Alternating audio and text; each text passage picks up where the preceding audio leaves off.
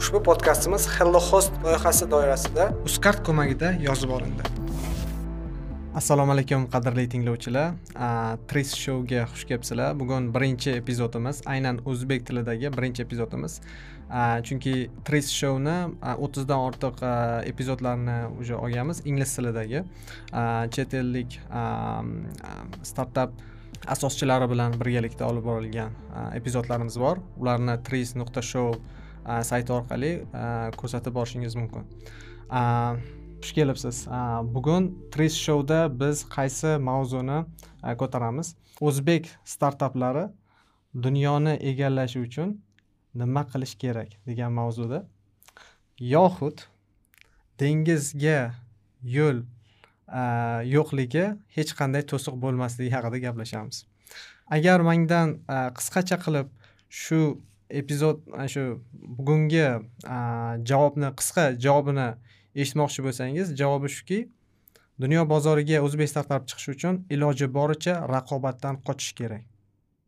Shuni o'zi yetarli. Ushbu epizodimizda mana shu raqobatdan qochish nima ekanligi haqida batafsil to'xtalib o'taman. Hozir birinchi navbatda mandan eng ko'p so'raladigan mana shu startaplar bo'yicha eng ko'p so'raladigan Э, bitta savolga javob bermoqchiman. Э, savollarga javob bermoqchiman. Э, buni ingliz tilida frequently asked questions deydi. O'sha savollarni e, ro'yxatini tuzib keldim. Ya'ni eng ko'p so'raladigan savollar.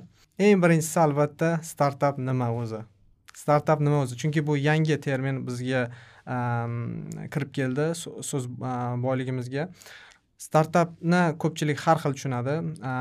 Va ko'pchilik holatlarda uni kichik biznes bilan chalkashtirib yuborishadi. Va mening o'ylashimcha bu bir muammolardan bittasi.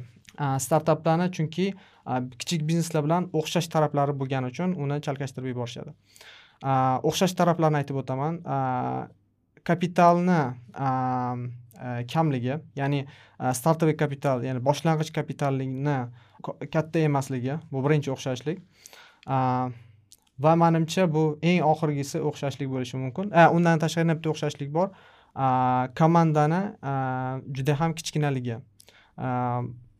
Ikkitadan bitta ikkita uchta maksimum beshtadan o'ntagacha boshlang'ich komanda shakllangan bo'ladi undan oshmaydi. Ya'ni buni asosiy o'xshash taraflari shu.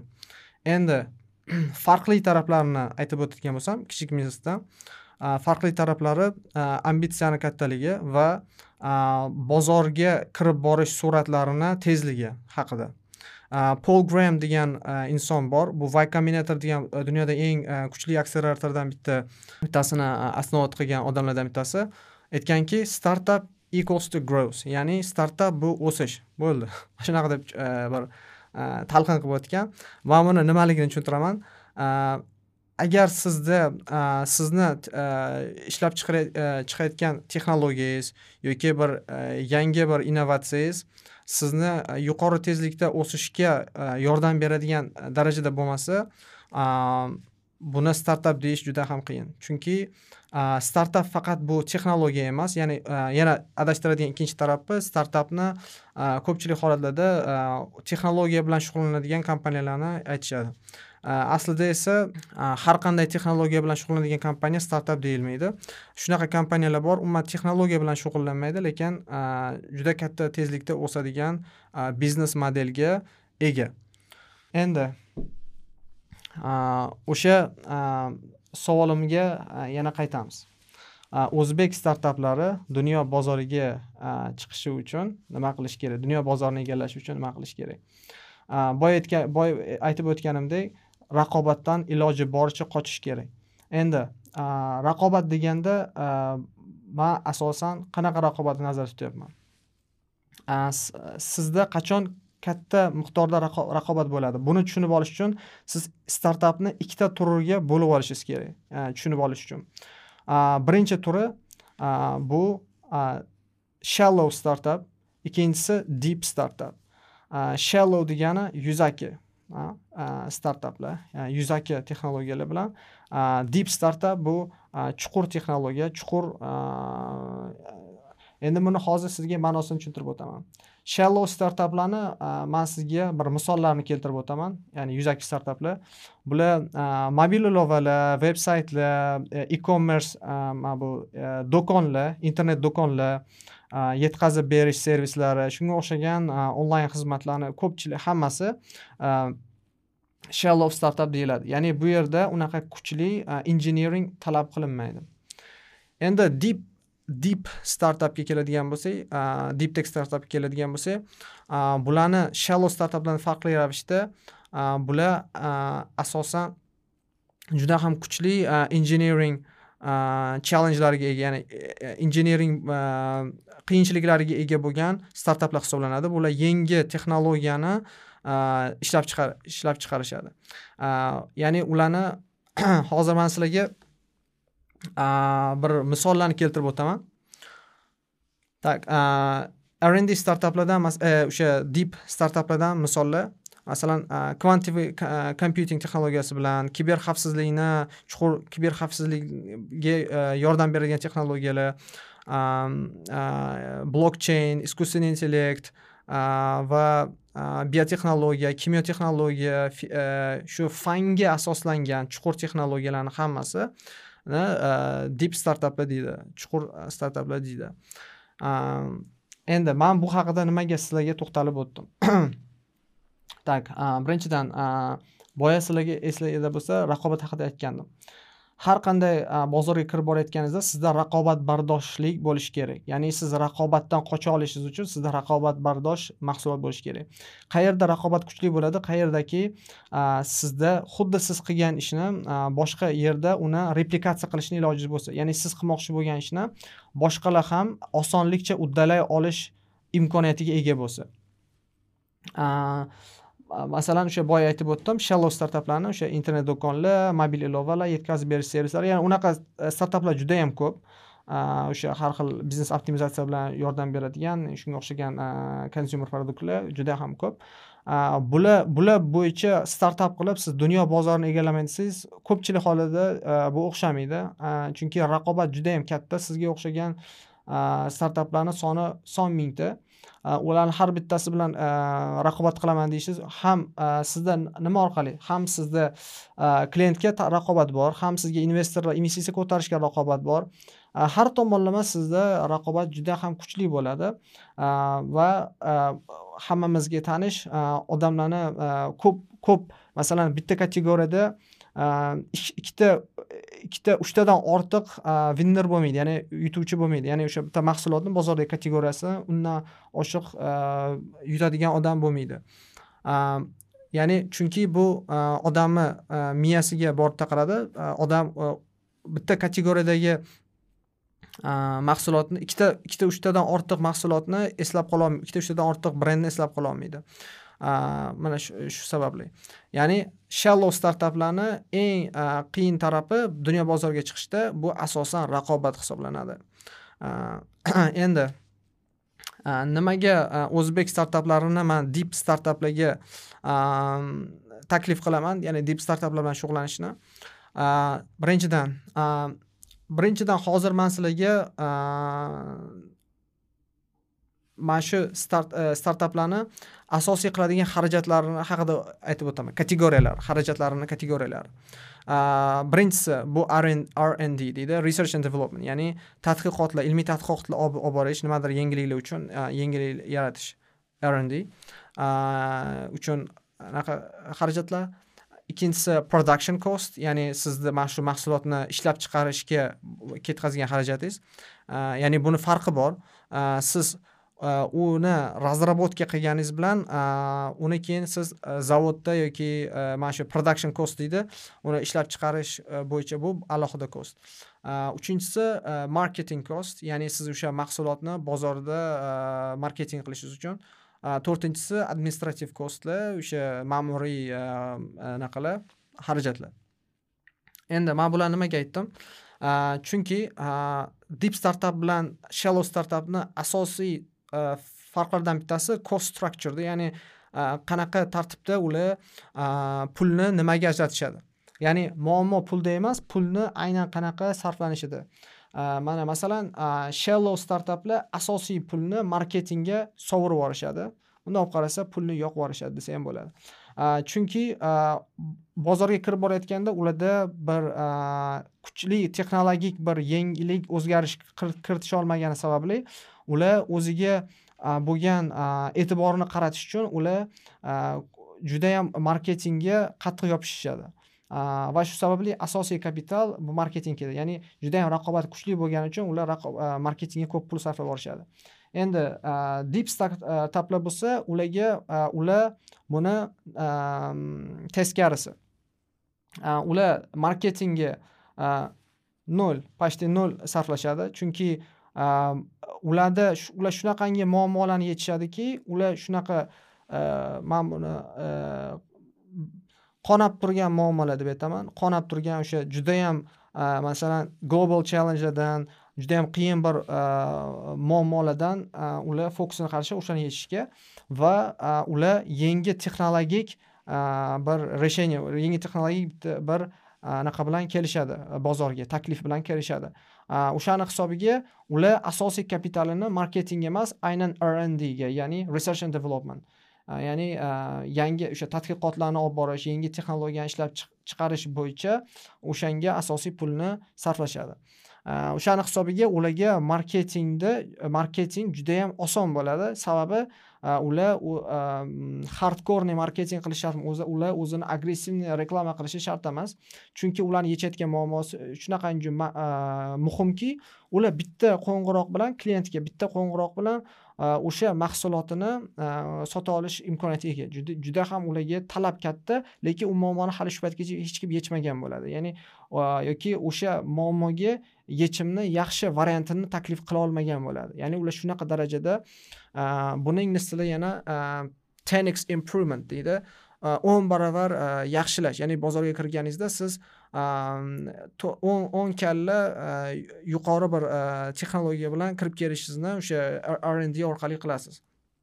O'shaning uchun dunyo bozoriga o'zbekistonni o'zbek startaplari chiqishi va egallashini man ko'zim yetadi. Faqat biza strategiyani to'g'ri qilishimiz kerak. Strategiyamiz aynan mana shu deep deep tech deep tech hablarni kuchaytirish rivojlantirish bo'lishi kerak.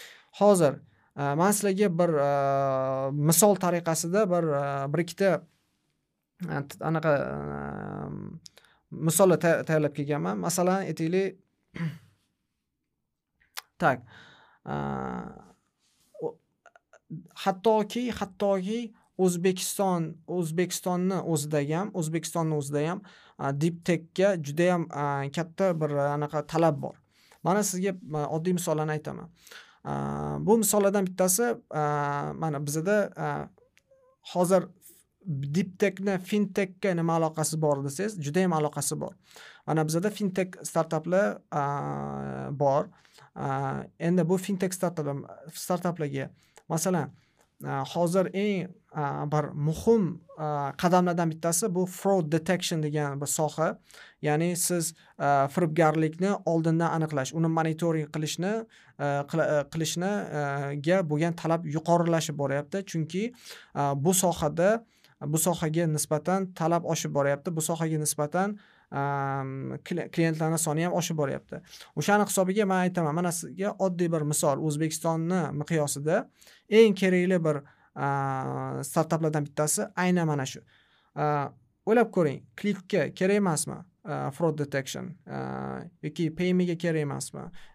Yoki uzcardga kerak emas. Hamma kompaniyalarda e, mana shu hozir ko'ndalang turibdi. Agar sizda решение shunaqa kuchli texnologik решение bo'lsa mana shuni avtomatik ravishda e, bir e, tadqiqot qilib avtomatik ravishda topadigan bir sistemani qura olsangiz sizda bozor bor va juda yam katta ko'lamli bozor bor. Man sizga bu misolni aytaman. Ko'pchilik holatlarda diptek startaplar katta summalarda u kompaniyalarni exit qilishadi ya'ni sotishadi ham. Ya'ni mana shu bozordagi existing startup deydi. O'sha hozirgi bor kompaniyalarga texnologik fintech kompaniyalarga siz o'zizni startapingizni решениyangizni berib keyinchalik uni siz o'sha kompaniyaga sotishingiz ham mumkin. Ya'ni exit uchun juda yam qulay bo'lgan bir Э, yo'nalishlardan bittasi deb o'ylayman fraud detection э, sohasi. Э, kuchli statistika matematik modellarni qurib mana shunaqa bir firibgarliklarni oldini olishingiz mumkin. Mana bu bitta misol. Ikkinchisi misol. Hozir mana e, qurilish sohasida bum bo'lyapti. Hozir mana hamma e, alhamdulillah hamma joyda rivojlanish e, rivojlanyapti. Mana shu qurilish sohasi ham. Bilamiz qurilish sohasida ham xavfsizlik juda ham muhim hisoblanadi. Э, construction site deydi. O'sha qurilish bo'layotgan joylarda xavfsizlikni ishchilarni xavfsizligini va undan tashqari passengerlar o'sha o'sha yerdan e, yo'laklardan o'tib ketayotgan e, insonlarni xavfsizligini ta'minlash e, masalasi. Masalan hozirgi kunda buni manually qilishadi. Ya'ni buni o'tirib qanaqadir har doim kuzatib kimdir постоянно kuzatib yurishi э, kameralar orqali э, kuzatishi orqali amalga oshirilishadi. Э, lekin bunda inson faktori bo'lgani uchun bu unchalik ham xavfsiz hisoblanmaydi. Lekin agar o'ylab ko'ring agar siz shunaqa texnologik решение qilganingizda avtomatik o'sha recognition o'sha kameralar orqali o'sha bo'layotgan hodisalarni predict qilsangiz ya'ni bo'layotgan hodisalarni oldindan aytib bera olsangiz mana mana shu yerda xavf bor deb signal beradigan darajada bir texnologiya ishlab chiqaring. O'ylab ko'ring murad buildings olmaydilarmi? Yoki e, boshqa e, golden housega o'xshagan boshqa kompaniyalar olmaydi. Ya'ni yangi bizada qurilish kompaniyalari kirib kelyapti o'zbekistonga to'g'rimi? E, bular hammasiga xavfsizlikni ta'minlash bu muhim bir vazifalardan bittasi. Ya'ni agar man o'ylayman aynan mana shunaqa bir kuchli texnologik решениялар bilan chuqur texnologik решениялар bilan bozorga kirib kelishda orqali siz yutasiz. Birinchidan raqobat kam raqobat yo'q desa ham bo'ladi. Ikkinchidan sizda marketingga nol sarflamasangiz ham bo'ladi. Chunki sizda sotish uni mahsulot shunaqa siz e, asosan mana shunaqa texnologik chuqur texnologik kompaniyalarda sizda e, nima bo'ladi? E, marketing market risk kam bo'ladi. Ya'ni man sizlarga risk bo'yicha bitta kichik bir anaqani aytib o'tmoqchiman. Riskni ikkita turi bor. Endi e, riskni turlari ko'pu lekin asosiy turini aytaman. Masalan startaplar uchun asosiy turini aytaman. Riskni turlari ko'p.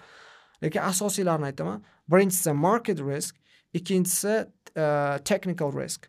E, market risk bu masalan sizni mahsulot bozorga mahsulotingiz bilan chiqdingiz uni qanchalik darajada unga talab bo'ladi qanchalik darajada siz o'sa olasiz Э, va shunga o'xshagan risk ya'ni e, o'xshamay qolish o'xshay qolish ya'ni bozordagi o'sha holat.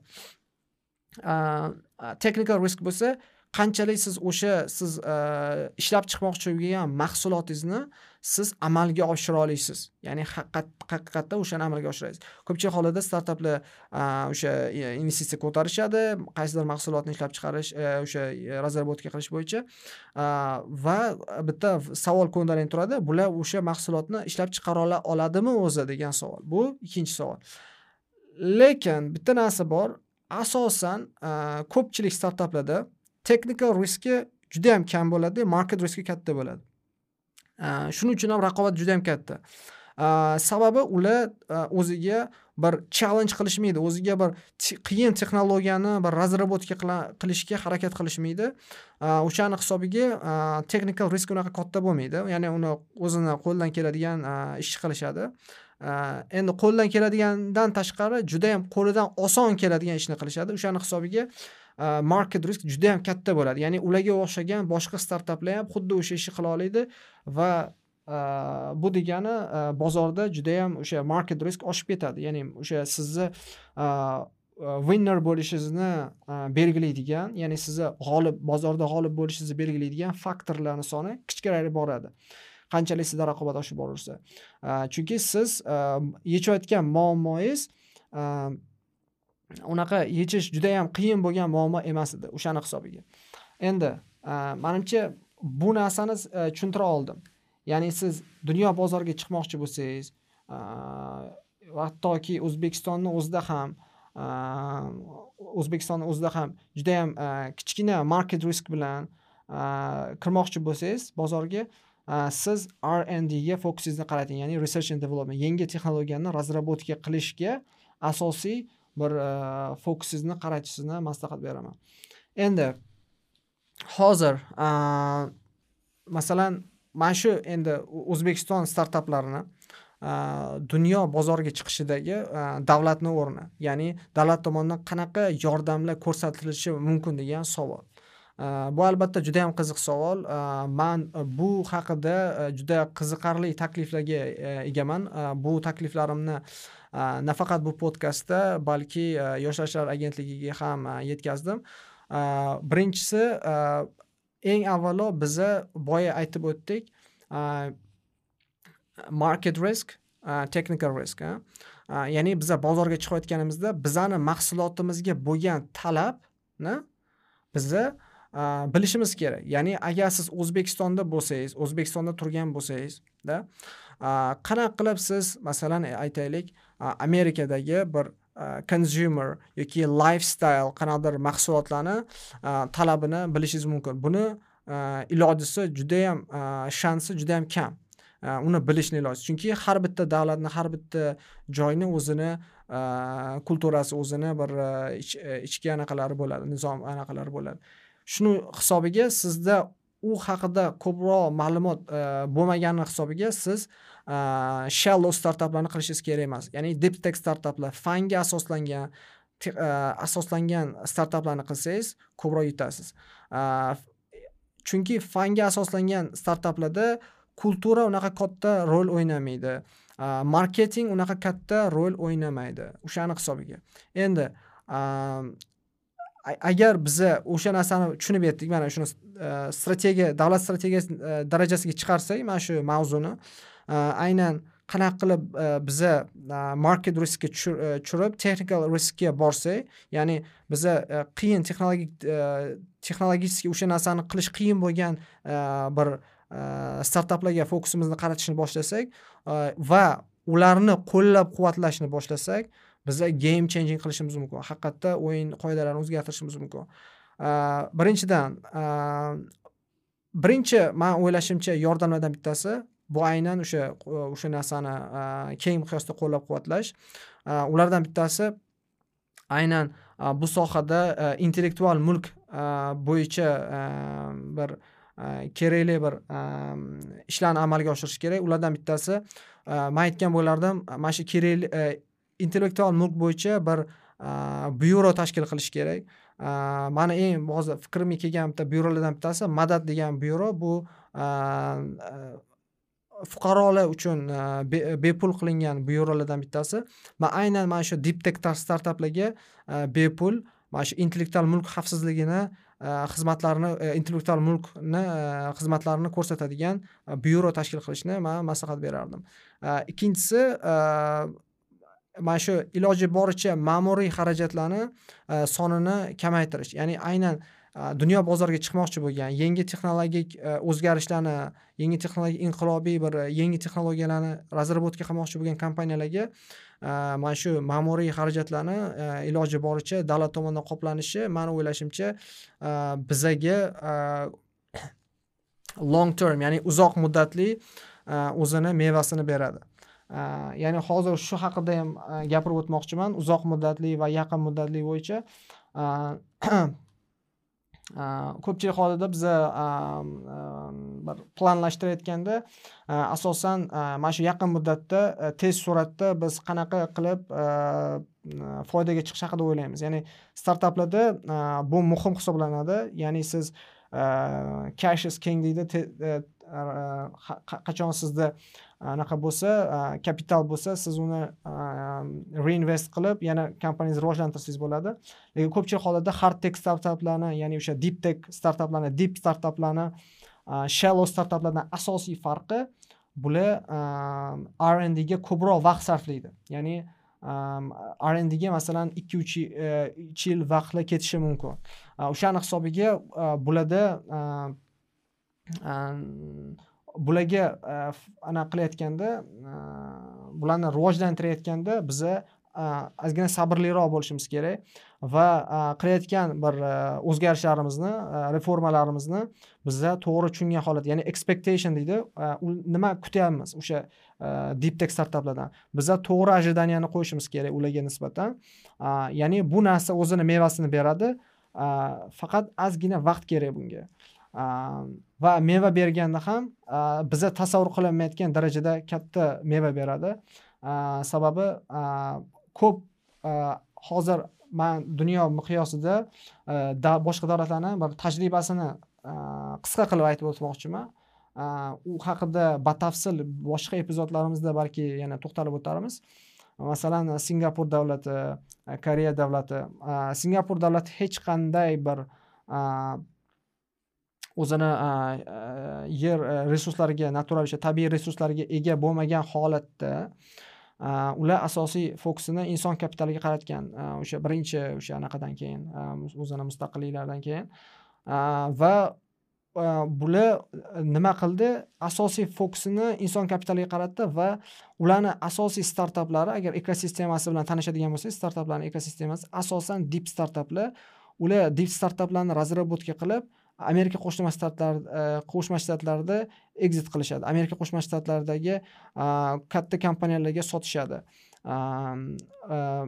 Mana hozir e, jagent e, five forderda jagent five bor hozir to'rtta eng asosiy global o'sha texnologik startaplarni ko'p ko'pchiligi o'sha google facebook twitter amazon va shunga o'xshagan microsoft apple bular har doim shunaqa startaplarni sotib olishadi. Asosan dip startaplarni sotib olishadi.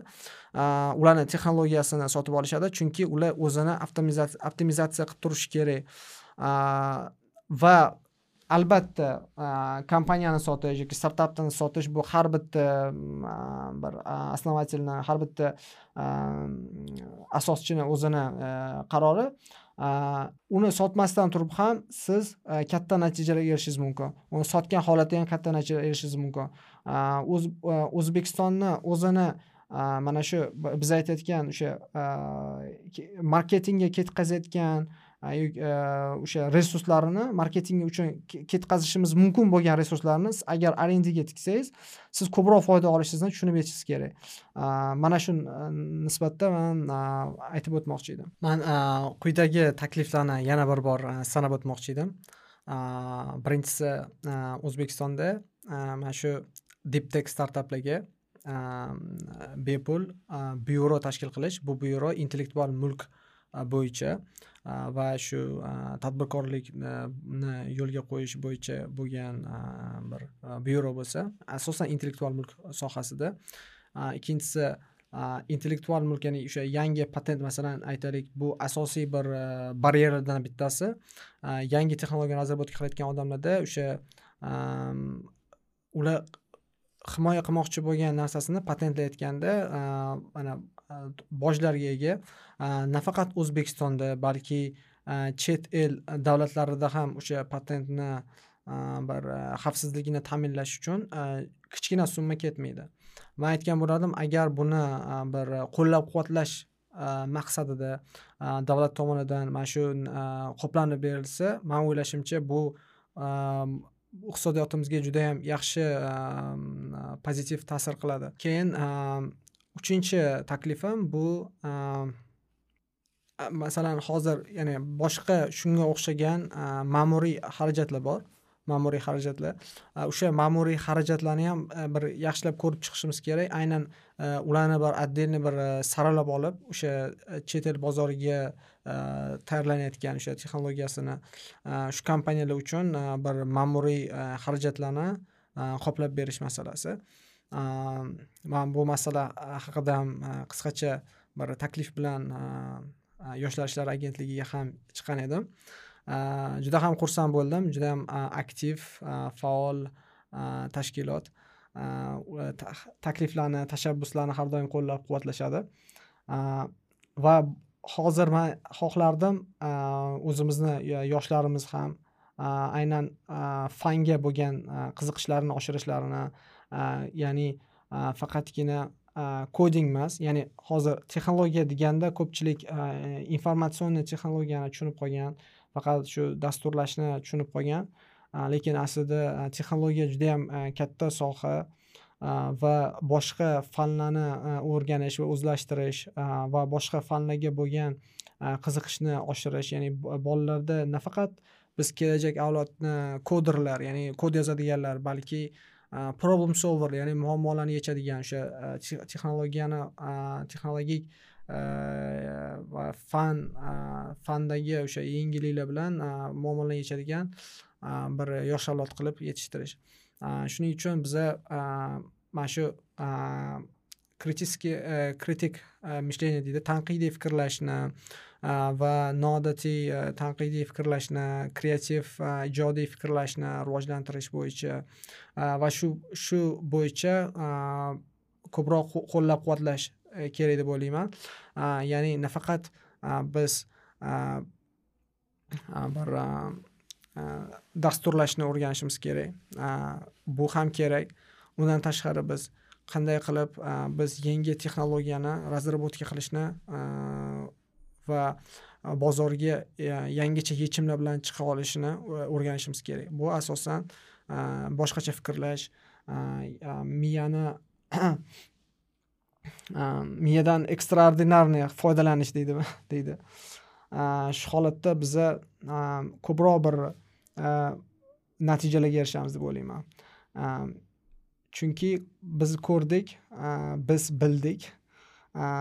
Boshqa davlatlarni tajribasida aynan mana shu e, yoshligidan e, ijodiy fikrlash o'sha rasm chizish va shunga o'xshagan bir e, bilan katta bo'lgan bolalar ya'ni har xil kreativ yechimlar topishga ya'ni dars mobaynida faqatgina protsedurniy ya'ni ketma ketlik bilan emasda o'zini bir noodatiy e, takliflarini bera olib bera oladigan bir atmosferada ulg'aygan bolalar juda ham прорывный bir yangicha bir texnologiyani ishlab chiqishgani ya'ni o'sha biografiya avtobiografiyalaridan ham bilsak bo'ladi.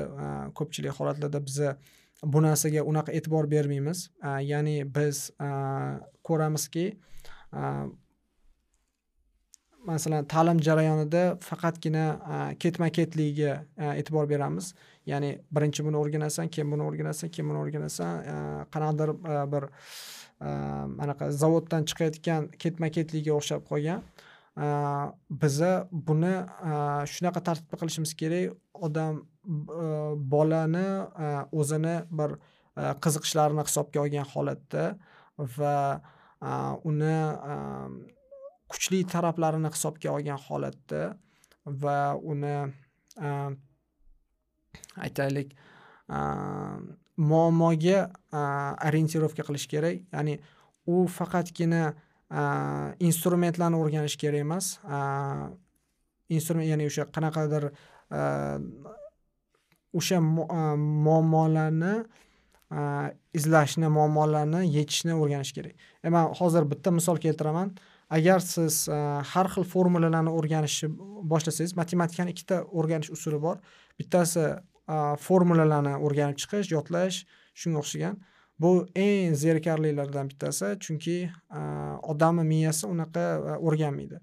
Ikkinchi o'rganish usuli bu siz Э, muammoni ko'ndalang qo'yasiz yoki qanaqadir masalani ko'ndalang qo'yasiz va o'sha masalani yechish davomida siz o'sha formulani o'ziz uchun kashf qilasiz. Ya'ni e, siz uni research qilasiz qidirasiz qani qanaqa qilib yechsa bo'lar ekan. Va ko'pchilik holatlarda u muammoni bir xil emas e, ko'p xil usullarda yechsa bo'ladi. Bitta muammoni o'n o'n besh xil usulda e, yechsa bo'ladi.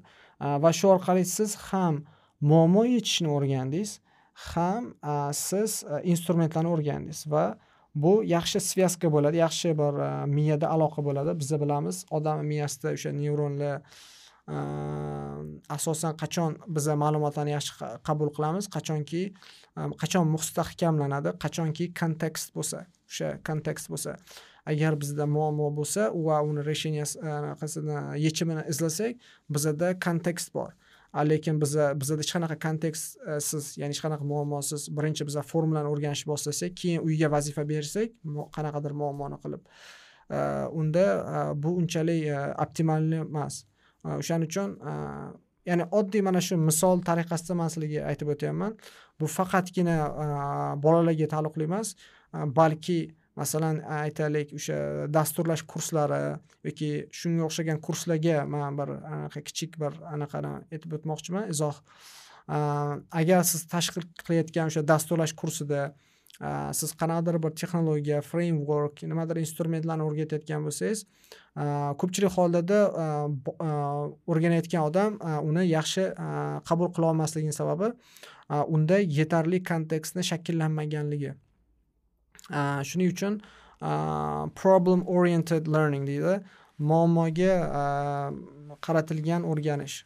O'sha tartibda qilsak maqsadga muvofiq bo'ladi va e, o'rganish e, juda ham e,